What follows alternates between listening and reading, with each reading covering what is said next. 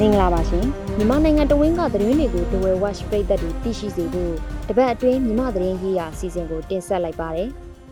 ဒီတပတ်မြန်မာရေးရာမှာတော့မတ်လ26ရက်ကနေဧပြီလ1ရက်အထိတပတ်တာအတွင်းဖြစ်ပျက်တွေထဲကထူးခြားဖြစ်စဉ်တွေကိုကောက်နှုတ်ဖော်ပြသွားမှာပါဒီအစီအစဉ်ကို The Way Watch ဝိုင်းတော်သားတွေကစီစဉ်တင်ဆက်ထားတာပါ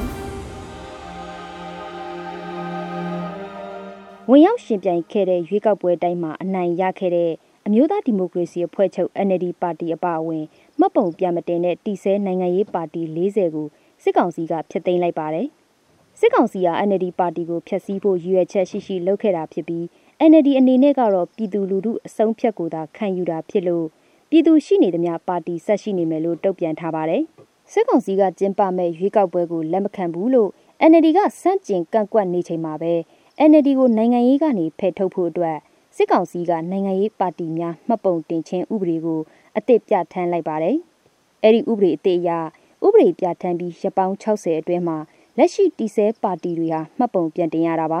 ။မတင်ရင်ပါတီအလိုလျောက်ဖျက်သိမ်းခံရမယ်လို့ထည့်သွင်းပြဋ္ဌာန်းထားပါတယ်။ရက်60ဟာမတ်လ28ရက်မှာပြည့်မြောက်ပြီးပြန်လည်မှတ်ပုံမတင်တဲ့နိုင်ငံရေးပါတီ40ကိုမတ်လ29ရက်ကနေစတင်ဖျက်သိမ်းတယ်လို့စစ်ကောင်စီလက်အောက်ခံပြည်ထောင်စုရွေးကောက်ပွဲကော်မရှင်က မတ်လ28ရက်ညမှာကြေညာလိုက်တာပါ NLD ပါတီဘက်ကတော့စစ်ကောင်စီဟာတီဆဲဥပဒေတွေကိုချိုးဖောက်ထားပြီးတရားဝင်မှုမရှိတဲ့အတွက်ပြည်သူလူထုကိုကူစားပြုမှုမရှိသလိုသူတို့လောက်တာတွေကလည်းတရားဝင်မှုမရှိဘူးလို့ဆိုပါတယ်။ဒါကြောင့်ပါတီဖျက်သိမ်းတာအတီးပြုတ်တာတွေကိုလုံးဝလုတ်ပိုင်ခွင့်မရှိဘူးလို့ထုတ်ပြန်ထားပါတယ်။စေဆိုးရလက်ထက်က2010မှာလဲ NLD ကပါတီမှတ်ပုံပြန်မတင်လို့ဖျက်သိမ်းခံခဲ့ရတဲ့အတွက် အခုဆိုရင်နှစ်ကြိမ်မြောက်ဖျက်သိမ်းခံရတာပါ NLD လိုပဲပါတီမှတ်ပုံပြန်မတင်တဲ့အတွက်ဖျက်သိမ်းခံရတဲ့အထဲမှာထင်ကြရပါတီတွေဖြစ်တဲ့ရှမ်းတိုင်းရင်းသားများဒီမိုကရေစီအဖွဲ့ချုပ် SNLD ပါတီရခိုင်ဒီမိုကရေစီအဖွဲ့ချုပ် ALD ပါတီလူပောင်သစ်ဒီမိုကရက်တစ်ပါတီ DPNS တို့လည်းပါဝင်ပါတယ်စစ်ကောင်စီနဲ့စစ်ကောင်စီကကျင်းပမဲ့ရွေးကောက်ပွဲကိုတရားဝင်အတိအမှတ်မပြုလို့တဲ့အတွက်ပါတီတွေကမှတ်ပုံပြန်မတင်ကြတာလည်းဖြစ်ပါတယ်တီဆဲနိုင်ငံရေးပါတီ60ရှိတဲ့အထက်က ပါတီ90ကတော့မှတ်ပုံပြန်တင်ခဲ့ကြပါတယ်။ပါတီတစ်ကတော့73ခုမှတ်ပုံတင်ထားတယ်လို့ပြည်ထောင်စုရွေးကောက်ပွဲကော်မရှင်ကထုတ်ပြန်ထားပါတယ်။ပါတီတွေဖျက်သိမ်းခံရတာနဲ့ပတ်သက်လို့နိုင်ငံတကာအတိုင်းဝိုင်းကလည်းစစ်ကောင်စီကိုပြစ်တင်ဝေဖန်နေကြပြီးမတည်ငြိမ်မှုကိုပုံမူကြီးထွားလာနိုင်တယ်လို့လည်းထောက်ပြကြပါတယ်။ဖျက်သိမ်းခံရတဲ့ပါတီတွေရဲ့ပိုင်ဆိုင်မှုတွေလည်းသိမ်းဆဲခံရမယ့်အခြေအနေတွေရှိနေပါတယ်။နိုင်ငံရေးပါတီများမှတ်ပုံတင်ခြင်းဥပဒေမှာပါတီကိုဖျက်သိမ်းရင်ဒါမှမဟုတ် ပယ်ဖြတ်ခံရရင်ပါတီပိုင်ပစ္စည်းတွေကိုနိုင်ငံတော်အစိုးရကိုအနှံရမယ်လို့ပြဋ္ဌာန်းထားပါတယ်။ဒါကြောင့်မှတ်ပုံပြန်မတင်လို့ဖျက်သိမ်းခံရတဲ့နိုင်ငံရေးပါတီ40ရဲ့ပိုင်ဆိုင်မှုတွေလည်းအသိမ်းခံရနိုင်တဲ့အနေအထားမှာရှိနေတာပါ။ရွေးကောက်ပွဲကိုလက်မခံတဲ့အဲ့ဒီပါတီတွေအပေါ်စစ်ကောင်စီကဖိနှိပ်မှုတွေလည်းလှုပ်လာနိုင်တယ်လို့ထောက်ပြကြပါတယ်။ပါတီဖျက်သိမ်းကြောင်းကြေညာပြီးနောက်တရက်မှာပဲရန်ကုန်မှာရှိတဲ့ NLD ပါတီဌာနချုပ်ရှိကို စစ်ကောင်စီတပ်ကားဆယ်စီးရောက်လာပြီးအင်အားပြချင်းချောက်ခဲ့တယ်လို့မြန်မာနောင်သတင်းတရက်မှာဖော်ပြပါဗျ။စစ်ကောင်စီတပ်ကဖမ်းဆီးသွားပြီးနောက်တပ်ဖြတ်ခံရသူတထောင်ကျော်ရှိလာပြီလို့နိုင်ငံရေးကျင်းသားများကူညီစောင့်ရှောက်ရေးအသင်း AAPP ကမတ်လ29ရက်နေ့မှာထုတ်ပြန်ပါတယ်။အာနာသိမ့်ပြီးနောက်ပိုင်းကနေ2023ခုနှစ်မတ်လ3ရက်အထိကောက်ယူရရှိထားတဲ့စာရင်းတွေဖြစ်တယ်လို့ဆိုပါတယ်။နှစ်နှစ်ကျော်ကာလအတွင်းဖမ်းဆီးခံရသူ18000ကျော်ရှိပြီး အဲ့ဒီထဲက1080ဦးဟာဖမ်းဆီးခံရပြီးနောက်မှာတပ်ဖြတ်ခံရရတယ်လို့ထုတ်ပြန်ထားပါတယ်။တပ်ဖြတ်ခံရသူထဲမှာအမျိုးသား62ရာခိုင်နှုန်းကျော်ရှိတယ်လို့ဆိုပါတယ်။နေရာဒေသလိုက်ဆိုရင်စကိုင်းတိုင်းမှာတော့994ဦးတပ်ဖြတ်ခံရပြီးတနိုင်ငံမှာအများဆုံးဖြစ်ခဲ့တာပါ။ပြီးတော့မန္တလေးတိုင်းက119ဦးမကွေးတိုင်းက102ဦးနဲ့အစဉ်လိုက်အများဆုံးပါဝင်နေပါတယ်။ထိုင်းမြန်မာအဓိကနေဆက်ကုံသွေးရေးလမ်းကြောင်းဖြစ်တဲ့က ရင်ပြည်နယ်မြောက်ရီကော့ကရိတ်လမ်းတစ်လျှောက်မှာတိုက်ပွဲတွေပြင်းထန်ခဲ့တဲ့အတွက်ကုံသွဲရေးလမ်းကြောင်းရပ်တန့်သွားခဲ့ပါတယ်။ကရင်မျိုးသားလူမျိုးရေးတပ်မတော် KNL ဦးဆောင်တဲ့ PDF ပူးပေါင်းတပ်တွေကမတ်လ25ရက်မှာစစ်ကောင်စီတပ်တွေကိုစတင်ဝင်ရောက်တိုက်ခိုက်တာဖြစ်ပါတယ်။ကျုံတိုးမျိုးရဲစခန်းကိုစတင်ဝင်ရောက်တိုက်ခိုက်ပြီးတပြိုင်နက်တည်းမှာပဲမြောက်ရီကုံသွဲရေးဇုံနဲ့တင်ကန်းညီနောင်ရဲစခန်းတို့ကိုပါတိုက်ခိုက်ခဲ့တာပါ။အဲ့ဒီနေ့မနက်ပိုင်းမှာပဲမြောက်ရီမျိုးက ထိုင်းမြန်မာနှစ်နိုင်ငံချစ်ကြည်ရေးတရားတွေကိုမြန်မာဘက်ကပိတ်လိုက်ပါတယ်။ဂျိုင်းမြစ်ကူတရားကော့ကရိတ်မှာရှိတဲ့ကရင်ပြည်နယ်နယ်ကြားဆောက် BGF တပ်စခန်းတွေကိုတိုက်ခိုက်မိရှို့ဖျက်ဆီးခဲ့ပြီးစစ်ကောင်စီတပ်ရင်တပ်စခန်းတွေကိုလည်းထပ်မံတိုက်ခိုက်ခဲ့ပါတယ်။မြဝတီကုံသွေးရေးဇုံထဲကအဆောက်အုံအချို့မီးလောင်ပျက်စီးပြီး H3 ဆက်လည်းမီးရှို့ဖျက်ဆီးခံခဲ့ရပါတယ်။မတ်လ25ရက်နဲ့26ရက်နှစ်ရက်တာတိုက်ပွဲမှာစစ်ကောင်စီဘက်က15ဦးသေဆုံးပြီး ဒဏ်ရာရသူလည်းများပြားခဲ့တယ်လို့ဗျူဟာစစ်ကြောင်းကထုတ်ပြန်ထားပါတယ်။ပူပေါင်းတပ်တွေဘက်ကတော့3ဦးကြဆုံးတယ်လို့ဆိုပါတယ်။28ရက်အထိတိုက်ခိုက်တာတွေရှိနေဆဲဖြစ်ပြီးတိုက်ပွဲတွေအတွင်းစစ်ကောင်စီဘက်ကလက်နက်ကြီးပစ်ခတ်မှုတွေလေကြောင်းကနေတိုက်ခိုက်တာတွေလှုပ်ဆောင်ခဲ့ပါတယ်။ချစ်ကြည်ရေးတရားကိုမတ်လ25ရက်မှာပဲပြန်လည်ဖွင့်လှစ်ခဲ့ပြီးမြဲလမ်းတစ်လျှောက်မှာစီရေးတင်းမာနေဆဲဖြစ်တဲ့အတွက်ကုံသွေးရေးမလုံနိုင်ပဲရပ်တန့်နေခဲ့တာဖြစ်ပါတယ်။ တိုက်ပွဲတွေအတွင်းကလေးငယ်တဦးပါဝင်ရက်သားအချို့ထိခိုက်ဒေဆုံးခဲ့ရပါတယ်။ထိုင်းနိုင်ငံသားကားသမား2ဦးလည်းဒေဆုံးပြီးအရက်သားချို့လည်းထိခိုက်ဒဏ်ရာတွေရခဲ့ပါသေးတယ်။တိုက်ပွဲကြောင့်ကြုံတိုးမှာစစ်ဘေးရှောင်6000ကျော်အထိရှိနေပါတယ်။ယခုသတင်းပတ်အတွင်းစစ်ကောင်စီတပ်ကလေကြောင်းတိုက်ခိုက်တာစစ်ကြောင်းဝင်ရောက်ပြီးနောက်ရွာကိုမီးရှို့တာကြောင့်ချင်းစကိုင်းနဲ့ကယားပြည်နယ်ကရင်ပြည်ဒေသတွေကပြည်သူတွေထိခိုက်ဒေဆုံးခဲ့ကြရပါတယ်။ ချင်းပြည်နယ်ထန်တလန်မြို့နယ်9မိုင်အကွာလောက်မှာရှိတဲ့ခွာဖိုကျေးရွာဟာမတ်လ30ရက်နေ့မှာလေကြောင်းကနေဘုံကျဲတိုက်ခိုက်တာခံခဲ့ရပါတယ်။ကလေးငယ်3ဦးအပါအဝင်ရက်သား10ဦးထပ်မံတေဆုံးခဲ့ပြီး20ထပ်မံလဲဒဏ်ရာရခဲ့တယ်လို့ဒေတာတွင်းနဲ့ပြည်တွင်းသတင်းတွေမှာဖော်ပြကြပါတယ်။တိုက်ပွဲဖြစ်ပွားတာမရှိဘဲ Jet Fighter 2စင်းနဲ့လာရောက်ပစ်ခတ်ခဲ့တာဖြစ်ပြီးနေအိမ်တွေမီးလောင်ပျက်စီးတာတွေလည်းရှိနေတယ်လို့ဆိုပါတယ်။နောက်တစ်ခါကယားပြည်နယ်ဒီမော့ဆိုမြို့နယ် ဒေါ်ရောက်ခုဒုက္ခသည်စခန်းနီးကိုလည်းမတ်လ28ရက်မှာစစ်ကောင်စီတပ်ကလေကြောင်းကနေလာရောက်တိုက်ခိုက်ခဲ့ပါသေးတယ်။အမျိုးသားတဦးတေဆုံးပြီးနောက်ထပ်အရက်သား3ဦးဒဏ်ရာရခဲ့တယ်လို့သိရပါဗျ။ဒီမော့ဆိုမြို့နယ်ဒေါ်ဓမကြီးရွာဘက်မှာစီရေးပြင်းထန်နေပေမဲ့ဒေါ်ရောက်ခုဒုက္ခသည်စခန်းအနီးမှာတော့တိုက်ပွဲဖြစ်ပွားတာမရှိဘဲလာရောက်တိုက်ခိုက်ခဲ့တာလို့လည်းဒေသခံတွေကဆိုပါတယ်။စကိုင်းတိုင်းဘူးတလင်မြို့နယ်ဆုံကုန်းရွာက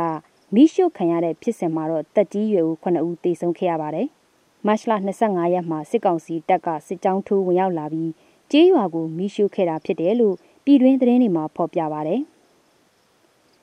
ကျမ်းမာရေးမကောင်းအသက်အရွယ်ကြီးရင်တာတွေကြောင့်ထွက်မပြေးနိုင်ပဲကြံရစ်ခဲ့တဲ့မြို့သားကြီးတဦးနဲ့အမျိုးသမီးကြီး6ဦးတို့တေဆုံးခဲ့ရတာပါဒီစစ်ကြောင်းဟာမိုင်းဆွဲတိုက်ခိုက်ခံရပြီးနောက်တရက်မှာဆုံကုန်းရွာကိုဝင်လာတာဖြစ်တယ်လို့ဆိုပါတယ်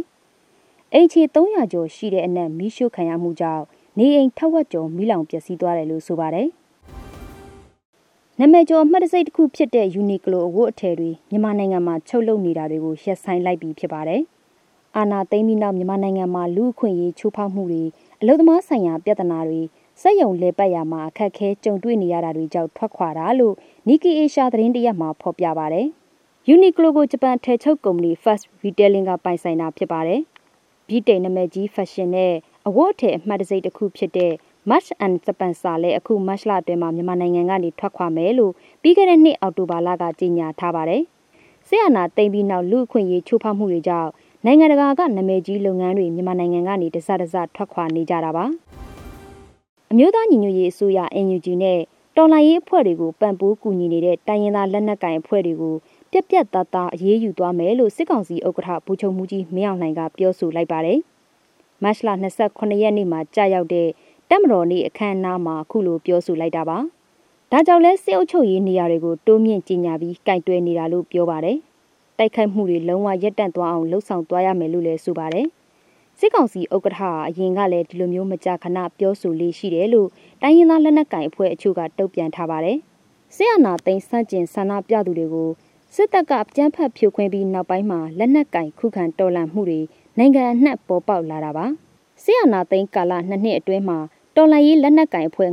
989ခုထက်မနည်းရှိလာတယ်လို့တုသေတနာအဖွဲ့တစ်ခုဖြစ်တဲ့မြမမဟာဗျူဟာနှင့်မူဝါဒလေ့လာရေး Institute ISP မြန်မာကထုတ်ပြန်ထားပါတယ်။စစ်ကောင်စီဥက္ကဋ္ဌအခုလိုမပြောခင်ကပင်နိုင်ငံအတွင်းစစ်ရေးရှိန်မြင့်တင်ပြီးအကြမ်းပတမ်းလှုပ်ဆောင်နေတာတွေတွေ့ရတဲ့ထောက်ပြကြသလိုတိုက်ခိုက်မှုတွေပုံမမြင့်တက်လာပြီး အယက်သားပြည်သူလူထုထိခိုက်မှုပိုများလာနိုင်တယ်လို့လည်းပြောဆိုနေကြတာတွေလည်းရှိနေပါတယ်။အာနာသိန်းနှစ်နှစ်တာကာလအတွင်းစစ်ကောင်စီတပ်ကတိုက်ခိုက်တပ်ဖြတ်မှုကြောင့်အယက်သားပြည်သူ3000နီးပါးတေဆုံးခဲ့ရတယ်လို့ NUG ကထုတ်ပြန်ထားပါတယ်။ထိုင်းမြန်မာနယ်စပ်တန်လွင်မြကမ်းဘေးကအကြီးဆုံးစခန်းဖြစ်ပြီးစီရေးဗျူဟာအရလည်းအရေးပါမဲ့မဲ့ခါထစခန်းကိုကရင်အမျိုးသားလွတ်မြောက်ရေးတပ်မတော် KNL ဦးဆောင်တဲ့ပူးပေါင်းတပ်တွေကတင်ပိုက်လိုက်ပါတယ်။ ကရင်မျိုးသားအစည်းအရုံး KNU တပ်မဟာ9နယ်မြေထဲမှာရှိတဲ့အဲ့ဒီစခန်းကိုမတ်လ28ရက်မှာ KNLA ကဝင်ရောက်တိုက်ခိုက်သိမ်းပိုက်လိုက်တာပါစစ်ကောင်စီတပ်အင်အား60 80ဝန်းကျင်ရှိတဲ့အဲ့ဒီစခန်းကိုဝင်ရောက်တိုက်ခိုက်ရာမှာတိုက်ပွဲတနာရီလောက်ပြင်းပြင်းထန်ထန်ဖြစ်ခဲ့ပါတယ်စစ်ကောင်စီတပ်ဘက်ကတေဆုံးထိခိုက်တာများပြီးလက်နက်တွေလည်းရရှိခဲ့တယ်လို့ပူးပေါင်းတပ်တွေဘက်ကဆိုပါတယ်စခန်းကိုသိမ်းပိုက်ပြီးနောက်မိရှုဖျက်ဆီးလိုက်ကြပါတယ် မဲခါထစခန်းဟာနေဆက်ထိန်းချုပ်ရာမှာအရေးပါတဲ့စခန်းဖြစ်ပြီးထောက်ပို့လမ်းကြောင်းနဲ့စစ်ရေးအရာအရေးပါတဲ့နေရာမှာရှိတယ်လို့ဆိုပါတယ်။ရခိုင်တပ်တော် AA အမျိုးသားညီညွတ်ရေးအစိုးရ UNG ပြည်သူ့ကာကွယ်ရေးတပ် PDF တွေနဲ့မပတ်သက်ဖို့ရခိုင်ပြည်နယ်ကရပ်ပတ်အဖွဲ့တွေကိုပြည်내စစ်ကောင်စီကခေါ်ယူတတိပေးခဲ့ပါတယ်။ငွေကြေးထောက်ပံ့တာဆက်သွယ်ပတ်သက်တာကူညီတာတွေမလုပ်ကြဖို့စစ်ကောင်စီရဲ့ရခိုင်ပြည်နယ်ဝန်ကြီးချုပ်ဦးထိန်လင်းကအရက်ပတ်အဖွဲ့တွေကိုမတ်လ28ရက်နေ့မှာ ပြည်내အစိုးရအဖွဲ့ရုံးကိုခေါ်ယူပြီးတတိပေးခဲ့တာပါအသင်းအဖွဲ့မှတ်ပုံတင်ခြင်းဥပဒေအကြောင်းရှင်းပြဖို့ခေါ်ယူတွေ့ဆုံရမှာလက်နက်ကင်တွေနဲ့ပတ်သက်ရင်ဘယ်လိုအရေးယူခံရမယ်ဆိုတာကိုအဓိကပြောဆိုခဲ့ပါတယ်စစ်ကောင်စီပြဋ္ဌာန်းထားတဲ့ဤဥပဒေမှာတော့အဲ့ဒီလိုပတ်သက်ရင်ထောင်ဒဏ်9နှစ်အထိချမှတ်မယ်လို့ဖော်ပြထားပါတယ်။ UNG နဲ့ PDF အဖွဲ့တွေကိုငွေကြေးမထောက်ပံ့ဖို့နာမည်ထုတ်ပြောဆိုခဲ့ပါတယ်။ AA ကိုတော့နာမည်ထုတ်ပြီးမပြောခဲ့ပေမဲ့အကြမ်းဖက်အဖွဲ့တွေ မတရားအသင်းတွေနဲ့ပတ်သက်တာတွေမလုပ်ဖို့ဆိုပြီးထည့်သွင်းပြောဆိုခဲ့တာပါ။ AA ကိုစစ်ကောင်စီကအကြမ်းဖက်အဖွဲ့ကနေဖျက်သိမ်းပေးထားပေမဲ့မတရားအသင်းဖြစ်ကြီးညာထားဆဲဖြစ်ပါတယ်။အရက်ဘတ်အဖွဲ့တွေစစ်ကောင်စီမှာမှတ်ပုံတင်ဖို့ငွေကြေးသုံးစွဲမှု၃လတစ်ကြိမ်အစီရင်ခံဖို့လည်းဖိအားပေးခဲ့ပါတယ်။ဒါ့အပြင်နိုင်ငံတော်ဝန်မှရပ်ဖက်အဖွဲ့တွေကိုအသင်းအဖွဲ့မှတ်ပုံတင်ခြင်းဤဥပဒေအတိုင်းလိုက်နာလှုံ့ဆော်ကြဖို့စစ်ကောင်စီကဖိအားပေးတာတွေလှုံ့ဆော်နေပါတယ်။ ပရိသတ်ပေါင်းတို့စိတ်ရောကိုယ်ပါကျမ်းမာချမ်းသာကြပါစေ။ကပ်ဘေးမျိုးမျိုးကနေအမြန်ဆုံးလွတ်မြောက်ပါစေကြောင်းဒဝဲဝက်ဝိုင်းတော်သားတွေကစုမုံကောင်းတောင်းအပ်ပါတယ်။နောက်တစ်ပတ်မှာလည်းမြမသတင်းရေးရာစီစဉ်ကိုဆက်လက်စောင့်မျှော်ကြည့်ရှုနားဆင်ပေးကြပါအောင်ရှင်။